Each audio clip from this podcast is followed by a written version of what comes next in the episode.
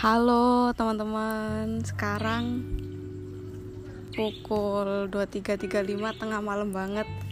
Ini aku sama saudara saudara aku mau bikin podcast cuma kita pembahasannya kali ini bakal random banget. So, bisa kenalin diri dulu nggak? Hai, aku Aisyah. Aku Ahmad yang cadel sedikit sih. Cadel dikit. Cadel banget kali. Ah, bisa aja Mbak ini. Mbak. So, jadi mereka berdua ini dari mana? Jakarta ya. Jakarta. Terus kita mau bahas apa nih? Ayo apa? Aku ikut. Apa ya? Bingung sih kalau disuruh mikirin mah. Ya udah kita mungkin bakal bahas tentang yang tadi ya. Apa? Judgment or something. Body shaming? Ya, mungkin yang bisa bilang orang itu nggak bakalan sukses tapi ternyata dia lebih sukses dari yang ngomong itu. Oke, mungkin ya judulnya adalah judgment. So, kalau body shaming itu kayak gimana sih? Ini ini. Body shaming itu kadang tuh orang tuh nggak ini ya.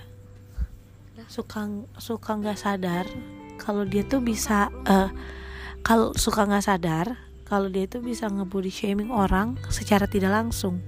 Gimana? Gimana tuh? ya kayak misalkan lo contoh ya lo udah lama nih nggak ketemu. Ya kan? Ih kok lo gendutan sih? Atau kok lo kurusan sih? Gitu. Itu kan secara tidak langsung body shaming. Atau ih kok lo jerawatan sih sekarang? Ya kan nah kadang tuh ada orang yang bisa menerima itu bercanda atau apa. Tapi kan ada juga saat timingnya lagi nggak pas itu menurut dia ya apaan sih? Kok lu baru ketemu udah lama tapi mulutnya begini banget. Ya ya nggak? Terus apa lagi? Kalau yang si Amat tadi kamu bilang apa ya? Yang tadi Amat Banyak sih. Kalau contoh kayak orang lu dijudge kayak lu udahlah lu pasti bakalan begitu terus ketika yang jeleknya. Tapi nyatanya yang ngomong tetap stuck di situ-situ aja dibandingkan yang udah dicap duluan nih yang udah dijudge oh ya udah lu bakalan kayak gitu terus. Tapi dia punya kemauan untuk berubah untuk bisa lebih sukses lah daripada dia. Contohnya ya simpel aja sih kayak yang anak-anak zaman sekarang deh yang kuliah pakai uang orang tua. Jajan masih pakai orang tua dibandingkan dengan orang yang kuliah dengan uang sendiri ataupun jajan pakai uang sendiri. Simple.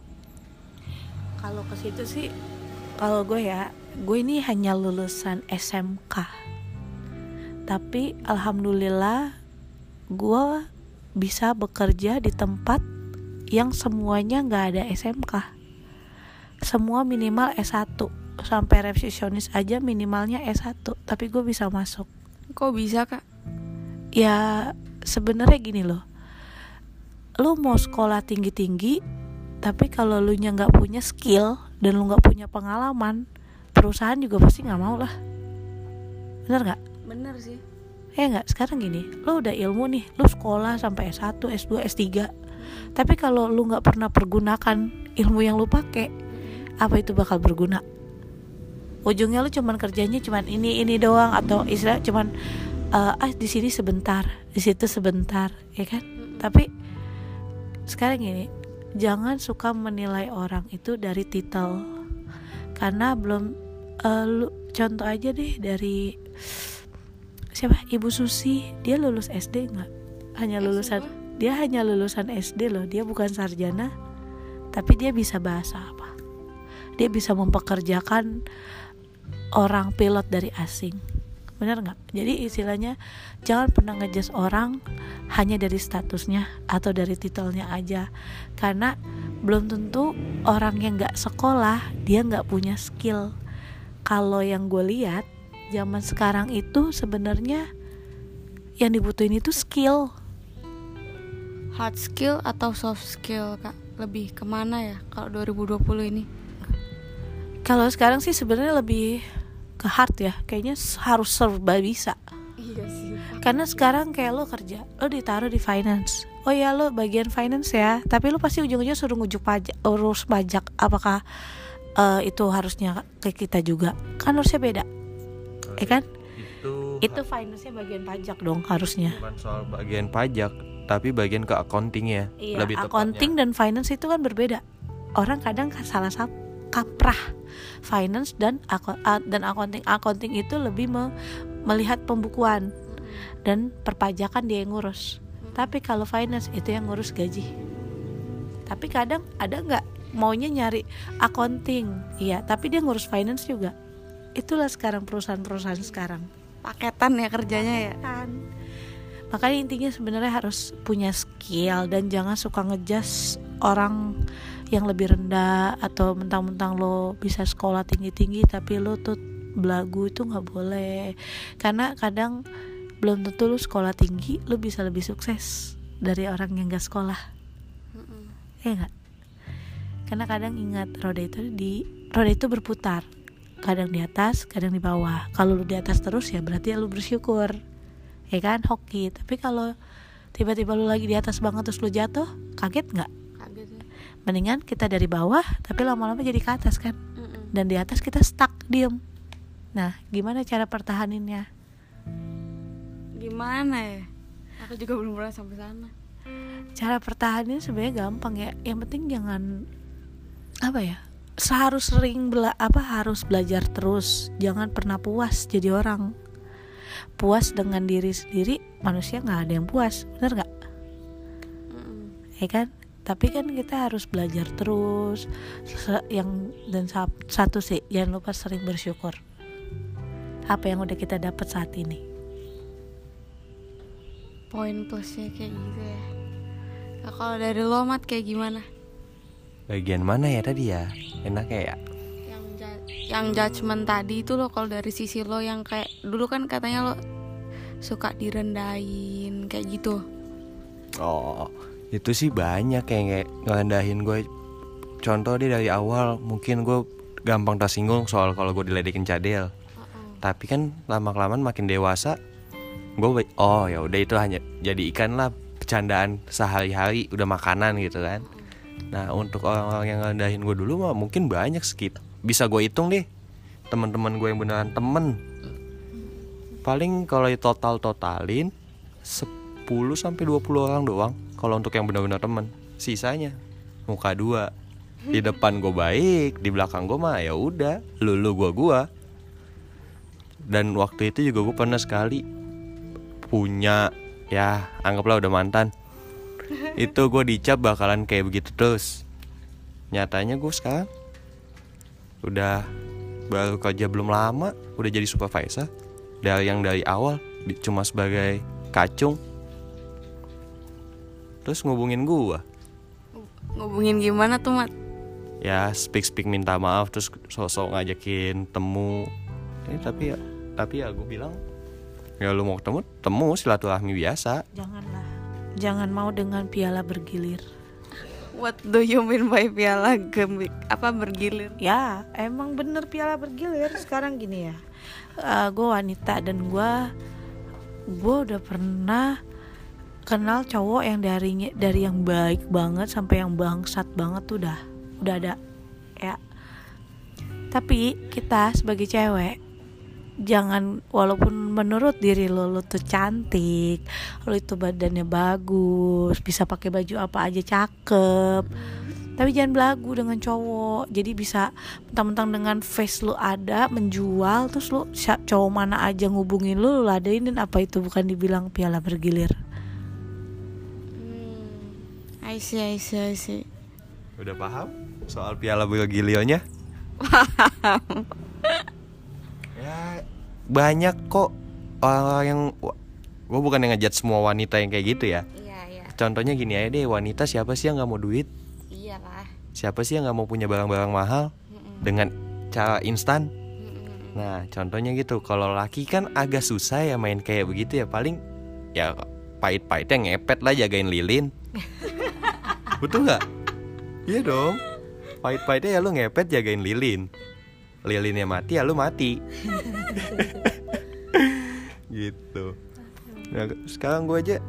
Nah sekarang gue sekarang lagi nyari bawahan. Mana coba lihat orang yang kemarin ngelandahin gue gue calon bawahan lu lagi ya aduh. Iya calon bawahan gue ini. Iya kan? Iya. Nah gue lihat mereka tiba-tiba ya oke lah gue mungkin dulu sering minjem duit segala macem. Di saat gue emang lagi susah. Posisi gue lagi di bawah. Sekarang posisi gue udah di angka 9 mungkin kalau hitungan jam. Ketika tadinya di 6 udah udah nyentuh 9 tinggal nunggu kapan waktunya. Gue di 12 di paling atas. Enak toh kalau lu misalkan lagi dari bawah siapa sih yang ngeliatin lu ketika lu mau jalan naik ke atas? Daripada tiba-tiba lu dari atas banyak dong yang ngeliatin tinggal nungguin kapan lu jatuh? Kapan jatuh? Kan susah jaga posisi di atas. Betul. itu yang gue manfaatin kenapa? Ya mungkin kalau gue bilang gue telat juga. Gue aja sekolah bermasalah 4 tahun gak naik dan gue hanya lulusan paket C. Tapi gue rapat keluarga om.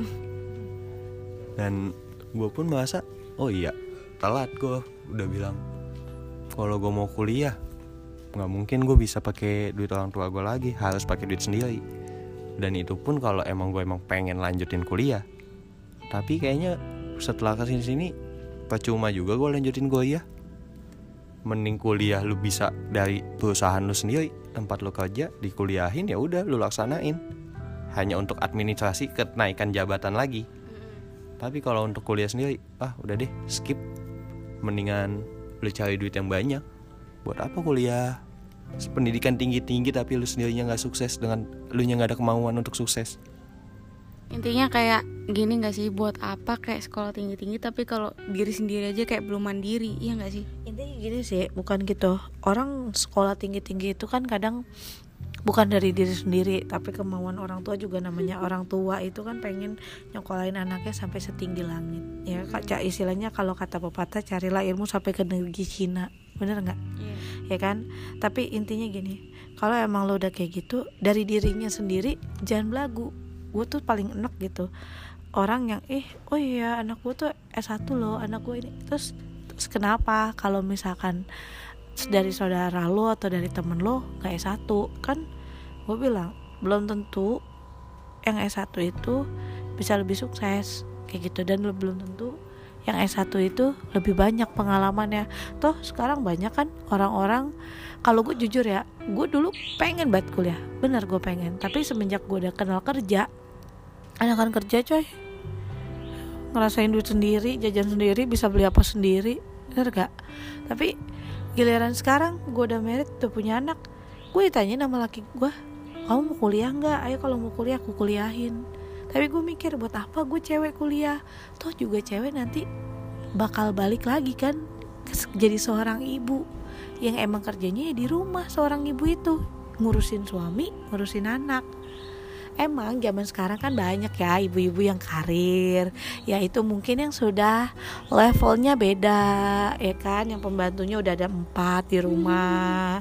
Gitu nggak apa-apa. Nah kalau baru pembantu satu bayarnya masih di bawah 2 juta mah jangan begitu. Ya enggak Jangan sombong. Iya nggak? Baik, ada sih siapa sih yang pokoknya adalah orang-orang kayak gitu di luaran sana kan. Iya, makanya intinya sih sebenarnya eh kalau gue bukan yang nggak mau kuliah karena gue pikir kalau gue ya yang lebih pantas untuk mengambil kalau udah dalam pernikahan kalau emang lo mau kuliah lagi gue lebih dukung suami. Kenapa? Karena suami kan yang nyari duit. Eh enggak di mana juga kan laki-laki yang mencari nafkah. Jadi kalau dia titelnya naik pun kan dia kita juga yang seneng. Bener nggak? Kalau kita mah buat apa ya? Kalau gue sih orang gitu sih karena sekolah itu kan nggak sebentar. Ya enggak banget. Iya dong sekolah itu minimal 4 tahun. Paling cepet tiga setengah tahun kalau bagus nilai kalau bagus nilainya. Eh enggak sekarang gue udah punya anak aduh. Gue juga mikir ya kan biar kamu katanya mau pu- punya titik nggak? Kalau gue orangnya emang nggak ngerti apa udah ke mindset dari kecil dibikinnya. Ya toh kan ku- kerja, kuliah itu buat kerja. Tuh gue sekarang udah kerja. Buat apa lagi ya sebenarnya sih tidak menyalahkan juga untuk yang udah kuliah. Tapi ya intinya gitu sih. Kalau punya titel jangan jangan belagu deh. Intinya begitu sih kadang. Karena kadang orang tuh mentang-mentang punya titel sombong. Iya sih. Padahal dulu lu belum belum ada titelnya juga. Lu kayak gimana sih? Bener gak terus belum ada titel sama aja kan? Apa sih bedanya gue aja laki gue aja kadang gue katain dasar lu sarjana. Percuma lu sarjana. Gue bilang kadang aja eh, kalau udah gue kerja gede gajinya gedean gue dulu. Ayo. Kayak eh, apa ya ntar gue balik-balik lagi ngomongnya. Ya intinya semua manusia itu sama. Mau lo punya titel nggak titel kan di batu nisan nggak mungkin ditulis titel lu panjang lebar juga intinya kan yang ditulis nama lu dan bin atau binti lu. Bener nggak? Betul.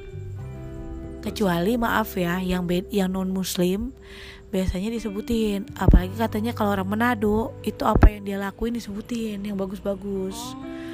Ya katanya itu gue denger juga dari Mongol. Mongol apa? Mongol si komika. kom Mongol stres itu. Katanya nanti kalau gue meninggal karena dia udah main 20 film tadi disebutin dibacain nih Mongol tuh semasa hidupnya udah apa udah ber udah main eh, eh, apa yang dia capai kayak gitu tapi kan kalau di Islam tidak yang ditanyakan itu yang diingat itu kan amal dan kebaikan bener ya Hmm.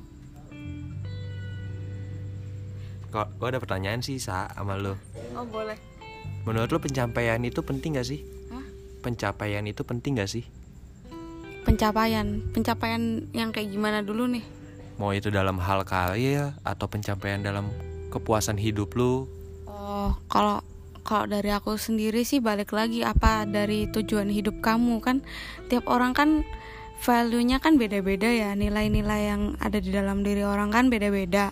Itu membentuk karakter orang dan akhirnya dia punya tujuan apa gitu loh. Tergantung lagi tujuannya apa gitu loh. Kalau misalkan tujuannya cuma mau mejeng ya beda sama orang yang tujuannya pengen menikmati hidup dengan yang maksudnya yang nggak terlalu foya-foya atau kayak gimana gitu. Paham nggak sih? Ngerti. Yang kadang orang cuman mikirin hidup untuk hari ini tapi besok nggak mikir. Banyak kan kayak gitu. Yang penting hari ini makan besok mah lihat aja besok. Zaman sekarang banyak yang begitu kan? Mm-mm. nah kakak punya pertanyaan nih sekarang. Iya. Kamu kan udah berapa? 20 berapa?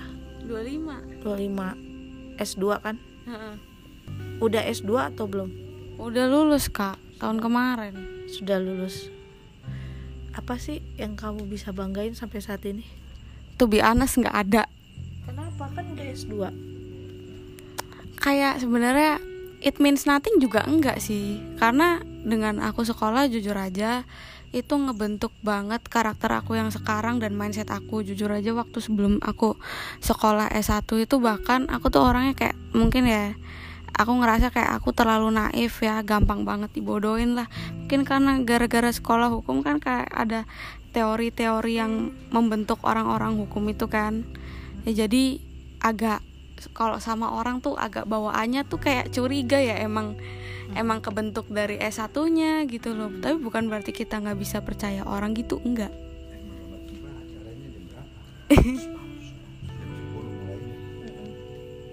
Enggak, enggak apa-apa, mat santai. Nah, tadi sampai mana ya gue, Kak? sampai itu apa namanya kan S1 membentuk diri kamu dari Ah, S1 itu sebenarnya belum tentu apa maksudnya masih ada percaya dengan orang tidak sebegitu curiga ya pokoknya negatif thinking sama orang itu pasti, tapi bukan berarti aku maksudnya nggak bisa percaya orang dari awal gitu loh. Baru bisa percaya tuh pas udah agak-agak ngerti itu orang kayak gimana tapi gitu kan loh. jadi cepet ini dong tahu karakter orang dong Iya, maksudnya kayak gitu. psikologisnya dapat dong Iya, nah dari situ aku dapat dapatnya yang pembentukan dari S1 itu ya. Nah, kalau tadi ditanya apa? Penca- pencapaian ya? Apa yang kamu banggain dari Oh, yang banggain. juga S2? Jujur aja sih, aku bukan orang yang terlalu ngebanggain titel, bahkan kayak buat apa sih kayak dicantumin gitu loh. Toh itu juga intinya aku cuma belajar doang kan. Cuman to be honest, aku mungkin aku ngerasa kayak aku nih telat dewasa gitu loh. Karena aku dari dulu tuh kayak di apa namanya diarahin gitu loh ibarat orang yang nggak tahu apa-apa tapi kayak udah lo kayak gini lo kayak gini lo kayak gini. Akhirnya aku yang naif ini kayak terlalu ngikutin gitu loh. Akhirnya diarahin ke sini mau diarahin ke sini mau. Even though aku diarahin itu kayak bener gitu loh. Kayak dapat efficient way-nya gitu loh. Tapi secara mental aku nih aku ngerasa aku belum mateng gitu loh. Kayak baru lately akhir-akhir ini kayak sadar kayak anjir gue kayak ngapain aja itu gara-gara waktu masuk magang di notaris gitu baru ngerasain ngebabu gitu loh. Karena aku magang di notaris ini yang notaris lumayan banyak kerjaan ya. Dan itu tuh kalau mau belajar itu ya dapat ya belajarnya dari temen juga gitu nggak langsung dari notaris ya. Pokoknya ini kayak gitu intinya kayak orang magang tapi ya kerja gitu loh. Tapi lo sebenarnya basically di sana kayak magang gitu loh. Gimana ya? Intinya intinya intinya gini kan lu kerja tapi nggak digaji. Dapat sih mat tapi nggak UMR gitu. Iya. kasal katanya kan gitu. Transport. Iya, dapat transport doang, transport sama makan itu aja udah untung-untungan, udah syukur alhamdulillah. Dan lo tahu gue harus magang selama minimal 2 tahun. Dan di sana senior senior aku rata-rata 4 tahun 5 tahun. Bisa dibayangin gak sih? Maksudnya ya emang sih. Orang itu kalau pengen meniti karir kan harus ada proses ya. Cuma di sini aku tuh yang aku sayangkan ya bukan yang aku banggakan. Aku sini cerita yang aku sayangkan di dalam hidup aku ini selama 25 tahun ini dari dulu aku kayak nggak pernah berani untuk ngomong apa yang sebenarnya pengen aku pengen gitu loh. Paham gak sih kak? Karena ketika apa ya ketika udah diarahin sesuatu tapi nggak bisa ngelawan. Gini loh iya kayak ujung-ujungnya kayak takut takut untuk melakukan ya tak- pertama jujur aja aku nih orangnya sebenarnya nggak mudah buat ngomong gitu loh kayak ada psikologis aku yang pengen ngomong kayak gini takut salah gitu loh apa sih ya? Karena mungkin karena dulu terlalu banyak dilarang gitu ya nggak sih? menjaga. Iya ada. Kakak juga kayak gitu. Eh gimana ya? Kadang kita pengen ngomongnya A tapi yang keluar dari mulut B karena takut tar kalau kita bilang A kesinggung nggak ya? Padahal sebenarnya kadang kalau emang pada saat kita lagi sharing seperti ini itu lebih baik diomongin. Kenapa? Jadinya enak ketahuan. Apa sih maunya? Kenapa sih? Aku tuh maunya begini. Kadang tuh boleh dikeluarin. Tapi kalau nggak dikeluarin malah nantinya mendem mendem mendem Itu tas yang kalinya biasanya aku pecah malah ser- malah seram. Wah itu aku banget. Aku biasanya Eh, nggak boleh. Pecah sama lo sama Amat. Iya, Amat iya. juga begitu. Makanya dari sekarang Amat tuh apa apa gue suka kontrol. Lo kenapa dek? Lo maunya apa dek? Kayak gimana? Gue suka nanya. Enggak kak gue gini gini gini. Kalau dia dulu kan pendiam tapi semenjak ibu sakit gue tuh selalu kontrol. Lo kalau kalau ini gini jangan kayak gini. Gitu. Kalau nggak suka diomelin ngomong. Kayak gue orangnya gitu. Namanya kalau kakak ngomel adek itu berarti tandanya sayang gue bilang. Tapi ya gimana ya? Ada batasnya lah maksud gue. Kadang kita juga kan kita juga sebagai manusia punya kemauan say. Iya. kadang gini loh apa ya aku tuh kayak pingin kayak gini tapi nanti jujur aja aku tuh kayak takut dijudge. Alah kamu kayak gitu kayak ngapain gitu loh paham gak sih? Paham. Kayak ngapain sebenarnya sih untuk orang pingin ngelakuin apa pun ya tergantung balik lagi orangnya sih? kalau emang lo mau ngelakuin sesuatu tapi lo yakin walaupun lo dijudge apa lakuin. Jadi kan lo tahu hasilnya. Kalau lo nggak lakuin lo nggak bakal tahu hasil. Bener nggak? Iya sih. Itu itu yang bikin aku ngerasa aku nggak nggak pernah keep moving forward Nah, gitu loh. dan selalu ngikutin orang. Sekarang gini aja eh orang mau ngomong A sampai Z itu udah biasa. Itu udah biasa. Itu udah hukum udah hukum alam kayak gitu tahu? Ya namanya netizen netizen, netizen emang ada apa orang yang mendukung kita lebih baik? Nggak ada. Besok jam 8 udah jalan dari sini.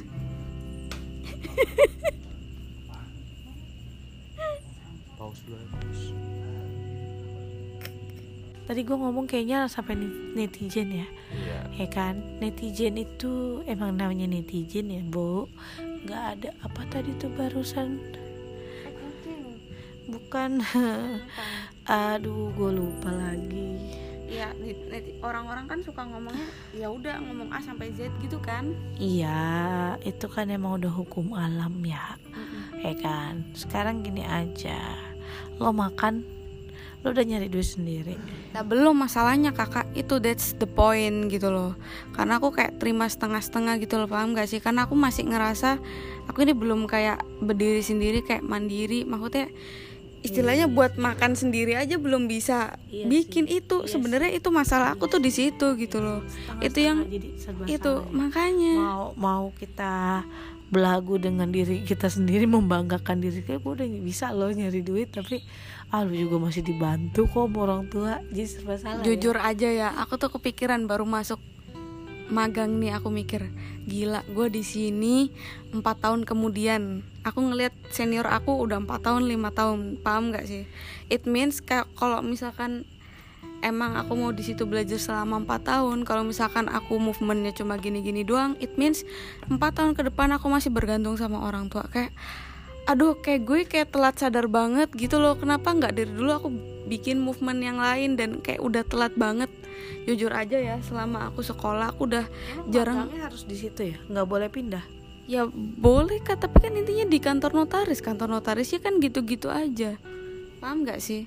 Maksudnya ya kerjanya udah cuma gitu-gitu aja. Standar gaji juga cuma kayak gitu-gitu aja gitu loh.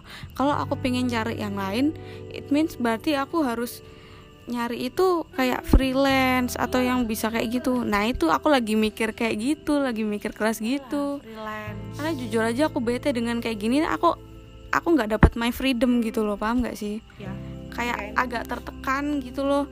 Sampai orang tua kem- kemarin tuh jujur aja mikir kenapa sih kok kayak lagi serius banget kayak lagi mikirin apa? Tuh kayak aduh shit you don't know how I feel gitu loh. Sebenarnya tuh kayak aku tuh kayak sebenarnya dapat dapat blessing gitu loh dapat berkah. Ya like I've got everything I want gitu loh sebenarnya kan. Cuma sebenarnya that's not the point juga gitu loh. Karena aku ngerasa dari situ aku kayak apa ya kayak I'm not someone gitu loh. Ya karena kamu satu-satunya ya ya itu. Dan itulah beban yang dipegang dengan namanya anak tunggal. sebel banget Dan- semua Tapi sebenarnya puas nggak dengan hal itu? jujur aja kalau sekarang ini aku sadarin enggak kenapa? Karena hal yang aku takutkan adalah ketika kayak aku nih anak tunggal kayak udahlah dapat gue dapat fasilitas nih. Tapi secara mental aku belum kebentuk nih. Telat-telat kebentuknya. Ya apa caranya hidup di- sendiri gitu loh. Caranya menghidupi diri sendiri kan nggak pernah ngerti gitu loh. Nah ketika aku takut ya ketika supply itu nggak ada. Paham nggak sih? Aku nggak nggak bisa bertahan hidup. Nah itu yang sebenarnya yang aku sesalkan gitu loh. Dan ini untungnya aku kan sadar. Cuma kan yang namanya orang ngebangun kayak gitu yang namanya untuk berusaha kan nggak semudah itu gitu loh ya. At least aku udah sadar lah ya. Coba aja dulu cari apa namanya freelance. Nah aku pengennya kayak gitu kak. Cuma aku juga sebenarnya pengen kayak mencoba kayak pelan-pelan kayak mandiri gitu loh kayak gimana ya yang namanya orang tinggal di rumah bareng itu paham gak sih? Kayak No, ke no, no, bawah no. kak. Tapi tapi gini kalau lu berpikir mau cabut gue nggak ngedukung. Ya nggak cabut Nggak. seutuhnya kak. Iya, gila. lo. tapi nggak. Tapi gue nggak mendukung. Jatuhnya lu ngekos ya kan? Ya nggak ngekos juga dari rumah lain kayak ya intinya kan lu pisah rumah. Ya intinya gitu. Tapi kan maksudnya nggak full gitu loh. Kayak kayak some days kayak misalkan dalam seminggu gitu gue kayak bisa cuma dua hari gitu loh. Tiga hari. Cuma buat gimana sih ngerasain ngurusin diri sendiri. Nah itu makanya itu lagi mikir gue diizinin ya aku mah orangnya bodoh amat kak Pertanyaannya sih gini aja, Pak. Cuma lu kayak pagi tiga hari terus nanti pulang. Kalau kayak gitu. Tapi lebih bagusnya lu walaupun tinggal di rumah, ya udah, lu nggak usah minta duit, lu ngomong sama orang tua lu, jangan kasih supply ke gua. nggak Maksudnya supply-nya tuh bukan supply uang, uang atau makanan intinya gitu. gini kakak pernah kok ngekos satu tahun ngekos ya kurang lebih setahun ya. Setahun? Eh, ibu sama bapak tahu kakak ngekos tapi nggak tahu di mana. Oh gitu. Nggak tahu di mana karena kakak nggak mau kasih tahu. Di situ eh, setiap acara gue pulang. Ntar kak eh, ini ada acara ini ini nih ya. Ya ikut. Setiap ada acara di mana gue nggak pernah absen kan. Tapi gue nggak di rumah. Tapi di situ gue berpikir oh begini ya rasanya ngekos lagi pas kayaknya ada kerjaan gak punya duit cuma bisa makan indomie indomie aja gak kita rebus. Lo tahu itu indomie dibuka diremek-remek dikit dikasih air panas di dalam bungkusnya. Lo diemin dah tuh baru lo buka. Bayangin tapi di situ jadi kita tahu oh makanya sekarang gua semenjak maksudnya ya mau hal yang kecil juga udah ngerasain sih. Gue istilahnya masih ada bersyukur lah sama diri gue tapi kayak jadi sekarang kalau kita punya da, punya money kayak mau gimana itu tuh jadi menghargai gitu. Tapi kadang gue juga sama adalah borosnya sisi wanita saya nggak bisa dibohongin ya kan? Pasti ada bohong ada borosnya. Tapi kayak eh gue pengen nih makan ini. Apa ya? Ya achieve buat diri gue sendiri. Masa gue nggak boleh ya kan? Sama pun dengan suami gue oh ya nih aku eh, kalau dia lebih ke motor ya larinya kayak ke otomotifnya. Oh ini benerin ini ya achieve-nya diri dia ke situ. Motornya dia sehat ya dia happy. Udah itu aja. Kalau gue lebihnya aduh gue pengen ini ya gue pengen makan ini enak nih kayaknya. Nah, itu bagi gue diri gue itu udah memuaskan. Tapi kalau sekarang semua apa ya? Gini deh dirimu kan belum merit belum istilahnya masih sendiri. Kalau masih sendiri eh sorry nih gue nyebut angka ya. Gaji UMR aja itu menurut lo pasti banyak. Kenapa? Karena menurut lo lo belum habis walaupun lo setiap minggu week apa nongkrong lah lo mau ke mana lah tetap nanti di akhir bulan pasti duit lo masih sisa. Terus sedangkan gaji udah masuk lagi. Bener Maaf, nggak. Soal itu gue kayaknya nggak setuju deh. emang kenapa Karena gue sendiri pun gaji UMR nggak cukup bagi gue. kadang gini Walaupun gue setiap hari suka nongkrong. Enggak, Ya kan? gini. Bedanya gini, Mat. Kalau lu istilahnya kan gimana ya? Eh kayak lu tuh masih meniti, ngerti gak? Masih meniti. Tapi gue tuh ngeliat banyak temen gue yang gajinya ya UMR lah bahasa gue ya dia bisa loh maksud gue dia di kantor tuh nge-save money ya di kantor dulu kantor lama gue itu kan dapat makan ya. Jadi kita tuh nggak usah keluar duit. Keluar uang itu cuman ongkos kerja.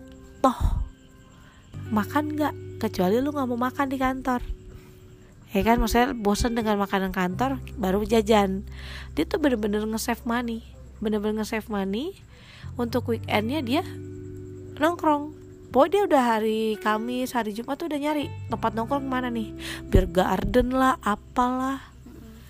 Yang penting tempat-tempat bagus yang buat eh, di foto tuh keren. Kayak gitu. Nah tapi nanti masih ada udah transfer lagi. Tapi giliran lo udah merit. Walaupun suami lu kerja ya maksudnya jangan dibandingkan dengan orang yang sudah gajinya dua digit ya itu beda ya ini kita bahasnya yang masih di bawah dua digit masih sedikit lah. Tapi kalau lo kerja suami lo kerja lo masih berdua itu pasti lo berasanya oh bisa beli ini bisa beli itu. Santai.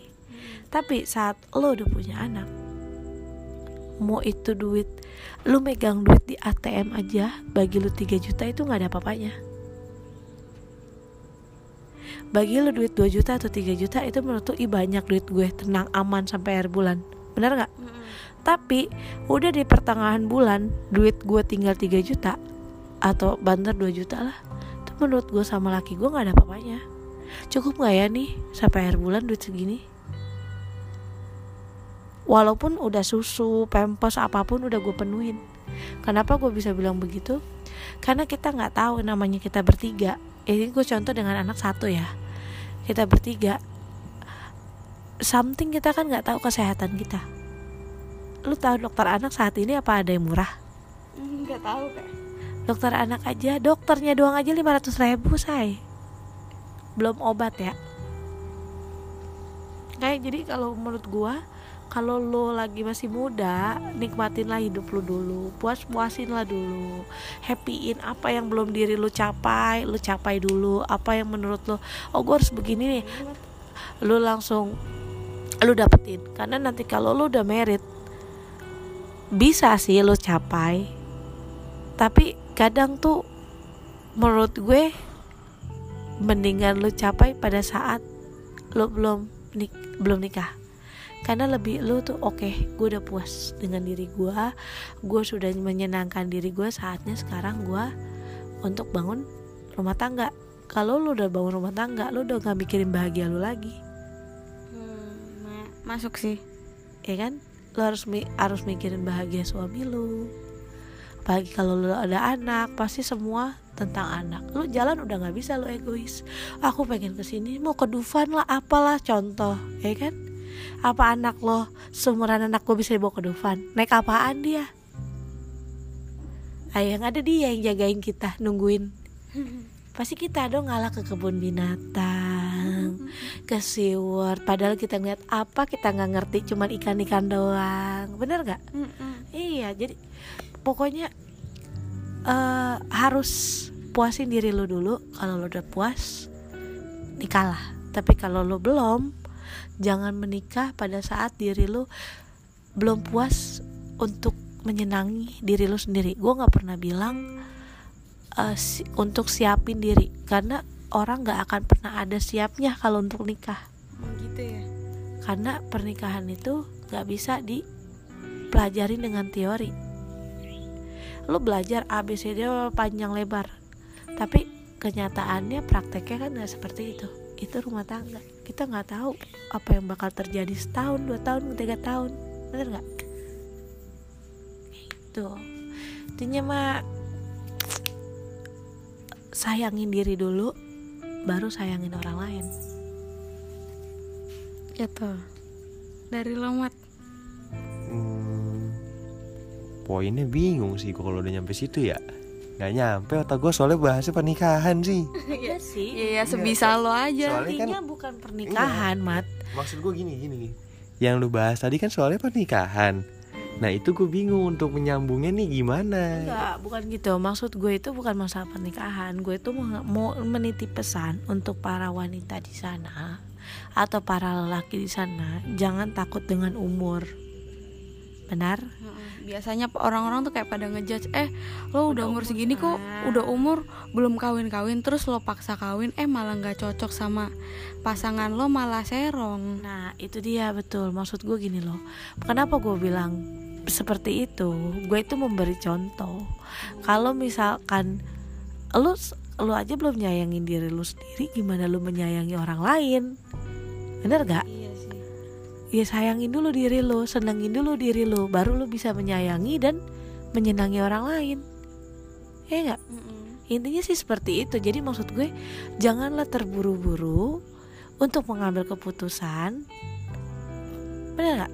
Jangan terburu-buru mengambil Iya. keputusan masuk kalau diri lo sendiri belum siap belum siap. Eh, No no no Eh, siap. bukan siap bukan siap Bukan. Belum yakin dengan diri lo sendiri. Kalau belum siap, nggak ada orang yang siap. Apa lo siap mati? Nggak akan pernah siap. mungkin di mulut bisa bilang siap Tapi kan di hati enggak. Nggak? Intinya mah gitu. Bukan masalah gue menyambung ke pernikahan. No, gue karena sudah menikah, gue memberi contoh. Kalau gue, alhamdulillah, gue sudah menyenangi diri gue. Gue sudah puas dengan kenakalan gue. Gue sudah sudah puas untuk kesenangan gue semua dan laki gue pun sama. Jadi saat kita sudah menikah, dah.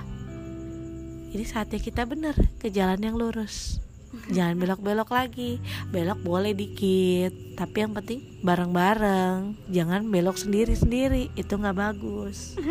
masuk paham toh dengan belokannya iya gue paham karena ada orang yang dikasih tahu soal belokan tersebut ya udah ikutan belok tapi yang satunya belok ke kanan yang satunya belok ke kiri gitu siapa ya dong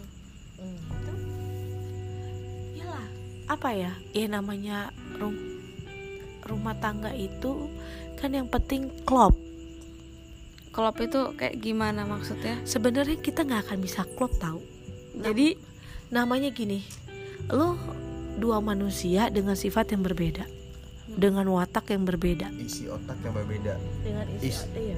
isi otaknya berbeda. Iya kan? Mana bisa lu satuin tapi kan gimana caranya lu bikin klub saling sa- memahami oh gue maunya A yang satu maunya B. Bisa nggak lu bi- ikut gua A juga? Ntar gue bakal ikut lu B deh.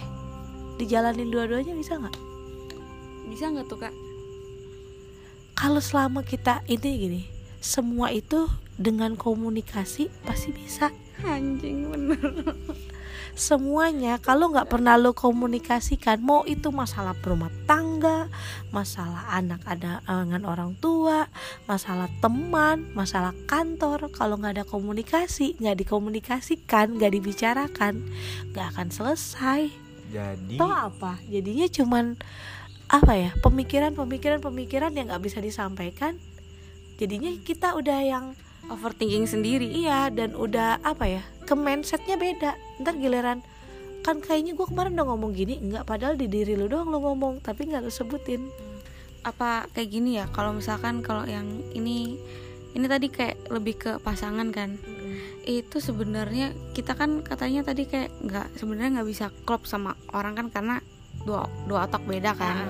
Intinya berarti kalau pengen bisa membangun hubungan sama orang tuh pertama harus komunikasi ya. Jadi nggak nggak mesti klop gitu. Intinya gini pertama yang namanya lo mau menjalin hubungan dengan orang lain pasti lo harus mengenal dulu orangnya dong. Istilahnya lu tahu oh nih orang tinggal di sini bahasanya biodatanya lah bahasa kasarnya CV-nya dia lah lu tahu ya kan? Nah kan itu buat bahan lo yang lo obrolin dengan dia. Bener dong? Nah di situ kan lo pasti ada. Kalau misalkan lo bilang A dianya ngomongnya B udah nggak nyambung apa yang mau dikomunikasiin? Iya benar sih. Intinya lo harus dengan apa yang lo bicarakan dia bisa nyambung itu enak dan lo bisa ya saya gini lo pergi nongkrong namanya anak muda kan eh jalan yuk nongkrong sini. Pasti ujungnya ngobrol nggak? Iya ngobrol intinya. Ya kan? Apa aja kan obrolan itu kan nggak bisa kayak kita eh kita bikin ini yuk bikin ini. Nggak bisa. Pasti kan namanya lo lagi di A ke B bener nggak? Jalan terus kan omongan. Nah itu bisa nggak dia ngikutin? Tapi kalau lo udah sampai C dia balik lagi ke A apa lo malu? Kayak gitu. Itu tandanya nggak nyambung nggak sefrekuensi gitu nggak iya sih sebenarnya. Intinya sih lo harus nyarinya dulu yang seenggaknya oh match nih sama lo. Iya. Eh nggak? Jadi, cocok nih. sama aja kayak lu punya kelebihan tapi dia punya kelebihan nih. Contoh lu bisa basket. Yang ini nggak bisa basket. Lu mau nggak ngajarin dia buat basket? Tapi dia emang pengen bisa nih. Lu mau nggak ngajarin? Ya boleh sih. Nah dia bisa bulu Berenang. tangkis. Berenang dah. Nah lu nggak bisa bulu tangkis. Dia mau nggak ngajarin bulu tangkis? Ketika lu udah mau ngajari dia basket pasti mau dong. Itu kan saling melengkapi. Satu Gitu sama kan? lain. saling menutupi satu sama lain kekurangan ya. Melengkapi kekurangan satu sama lain. Iya betul. Intinya gitu kalau gue bilang. Jadi semua hal itu intinya cuma satu. Komunikasi itu penting. Ingat mau itu dengan siapa pun komunikasi itu penting Kenapa? Karena kalau lu nggak ada komunikasi, udah miss komunikasi aja, jadinya ke mana-mana. Fitnah yang ada, bener nggak? satu hal sih sa- hanya satu yang nggak bisa diajakin komunikasi apa noh patung bangsa Apalagi ya? Aduh, aku bingung. Ini sudah jam berapa kita sebenarnya berbicara? udah hampir one hour ya Iya. so jadi kayak closingnya ini adalah tentang judgement itu ya ya udahlah orangnya kayak gitu-gitu aja kan Iya, semuanya orangnya gini. Intinya lu jangan ngejudge orang kalau diri lu sendiri belum melakukan Belum. hal tersebut no no no. Belum tentu lu juga diri lu tuh benar. Gitu aja. Bener gak sih? Lu Betul. suka ngatain orang, ja, ngejudge kan sama aja lu ngatain orang. emang bener nggak? Bahasa bahasa ininya kan. Lo ngatain orang ih kok lo begini sih? Tapi lo sendiri begitu nggak gitu loh. Jadi mendingan kalau emang mau dukunglah temen lo. Jangan ngejas. Kalau misalkan rangkul temen kalau emang lo nggak suka wah lu nggak suka dengan temen lu tinggal omongin lu jangan begini dong gue demen nih. Lebih enak. Tapi kan zaman sekarang mana ada yang kayak gitu. Sama aja. Kalau kayak gitu maling eh, kalau maling ngaku penjara penuh dong. Ya iya sih jadi intinya kalau misalkan emang pengen misalkan kayak ngejudge eh misalkan sesimpel kayak oh kamu eh lo kayak agak gemukan ya eh lo Itu apaan sih shaming. nah kalau misalkan kayak ke body shaming atau sekedar orang kayak ngatain sesimpel-simpel itu mending ditahan dulu deh iya nggak sih iyalah intinya gini kalau misalkan lo pengen emang kepo banget dengan diri dia jangan baru ketemu lah ngomongnya jangan itu jadi bahasa bahasa basi untuk buka pembicaraan sumpah Orang itu enak. Iya enak banget sumpah. Orang pasti enak. Dan itu kayak orang Indonesia banget gak sih? Iya plus 62 begitu say. Plus 62 susah. Lu lihat aja no Instagram. Ya kan isinya gimana? Siapa yang ngapa-ngapa dia yang ribet susah kalau plus 62 mah. Gimana kita mau maju? Kalau kitanya aja masih pemikirannya di situ ngurusin hidup orang. Urusin aja dulu hidup sendiri. Kalau hidup sendiri udah benar baru urusin dulu hidup orang. Oh, oh terakhir ada tambahan gak nih mat tentang closing nih? Gimana ya? Kalau lu- sebelum ngejudge mending ya tadi kan udah disebutin juga karena sama Ais. Itu kalau sebelum ngejudge coba introspeksi diri, diri sendiri ya kan? Tapi ketika lu udah introspeksi diri sendiri dan yang lu judge itu emang lebih punya kemauan yang lebih tinggi lu bisa nggak nyaingin dia? Contoh deh gini aja. Lu mau saingin gue dapet eh, misalkan lu dapet pacar cantik. Eh sorry lu pacar lu ganteng. Gue pengen nih pacar gue juga cantik nggak mau kalah. Dia aja dapet yang ganteng gue masa yang jelek dapet ya. Pasti lu akan lebih dapet yang bagus lagi dong ketika yang berusaha abis ngejudge lu ini. Satu kali ya kerjanya gini deh. Hmm, kayak lu mau melakukan pekerjaan tapi udah dijudge. Gue mau ngalahin lu. Ketika lu melangkah satu kali gue udah akan melangkah seribu kali untuk melakukan pekerjaan tersebut itu aja sih. Ya pesan dari lo dong Cak sama kita ngomong. Apa yang lo dapet dari hikmah pembicaraan ini? Yang nggak jelas yang ini. bisa lo pelajari. Yang bisa gue pelajarin adalah bukan dipelajarin sih lebih tuh tepatnya yang bisa Sharing. tangkap wawasannya ini. Dari peng- pengalaman. Hikmah dan kata kalau aku ya Heeh. Ini karena aku juga lagi ada dilema kan di hidup aku. Aku ngeliatin hidupnya kalian aku ngeliatin hidupnya aku. Sebenarnya kita tuh kayak sama aja gitu loh. Mau yang ada titelnya apa enggak kayak masing-masing tuh punya warnya masing-masing. Cuma kayak gimana caranya kita bisa menang di warnya masing-masing. Co- contohnya kalau misalkan kayak Kak Ais warnya sekarang kayak gitu si Ahmad warnya kayak gitulah. Gue warnya yang warnya yang kayak gini gitu loh yang kelihatannya orang enak-enak aja padahal sebenarnya juga di sini tuh kayak ada kesiksa batin juga perasaan ketidakmampuan itu yang menyiksa gitu loh. Makanya dikomunikasikan. Nah itu susah. Simpelnya buanglah pikiran negatif. Contoh kayak lu tadi bilang gue mau ngomong ini nanti orang itu tersinggung nggak ya gue mau ngomong A. Orang itu setuju nggak ya? Intinya buang dulu deh pikiran negatif itu. Semua pikiran-pikiran negatif lu buang-buangin. Jadiin pikiran yang positif semua. Iya sih kayaknya gue kayak kebanyakan overthinking juga karena nggak tahu ya kayak basically aku kayak takut ditolak. Enggak. Semua kalau lu nggak om komunikasiin lu nggak akan pernah tahu. Apa pun yang belum dikomunikasikan nggak akan pernah tahu hasilnya. Jadi coba dulu. Kan nggak ada salahnya coba. Gagal ya coba lagi. Bener gak iya sih. Pernah mengalami kegagalan? Pastilah. Wow kita dengar dulu. Pernah nggak ngalamin kegagalan? Gagal dalam hal apa dulu nih? Apa pun. Kalau dalam hal apa pun ya ada lah pasti. Terus mau melakukan hal tersebut lagi nggak setelah gagal?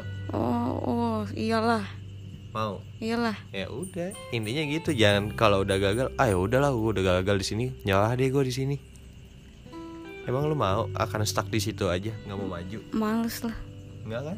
iya Also, thank you guys udah yang mau dengerin sampai di menit hampir ke 50 menit ini. Ya, kita yang ketemunya belum tentu setahun sekali. Iya ya, kita jarang banget ketemu dan jarang banget bisa ngobrol kayak tengah malam gini kayak bener-bener kayak quality time soalnya kan Kak Ais juga udah punya anak kan ngurusin anak apalagi yang kayak nggak tau lah kayak jarang-jarang banget bisa kayak gini ya kayak Iya, susah. Yang bikin susah sih sebenarnya yang ngajakin kita ngobrol ini karena tinggalnya paling jauh. Tapi nggak juga. Kadang gue udah ketemu dia udah janjian ayo kak kita bikin podcast. Iya iya ya tapi lupa abis itu. iya kan aku lupa. so guys. ke Jakarta baru kak kita kok nggak jadi bikin podcast ya? Ya. Jadi next time kalau udah bikin janji, note di kalender jamnya jam berapa. Jadi ada kita kap- alarm. Besok kalau kita nggak bisa bikinnya lewat HP sambil telepon. Iya nice sih. Oke guys, thank you thank you buat yang dengerin ini. Semoga bisa kalian bisa dapat value apa yang dari kita omongin nih. Thank you. Goodbye. See ya. Bye. Bye.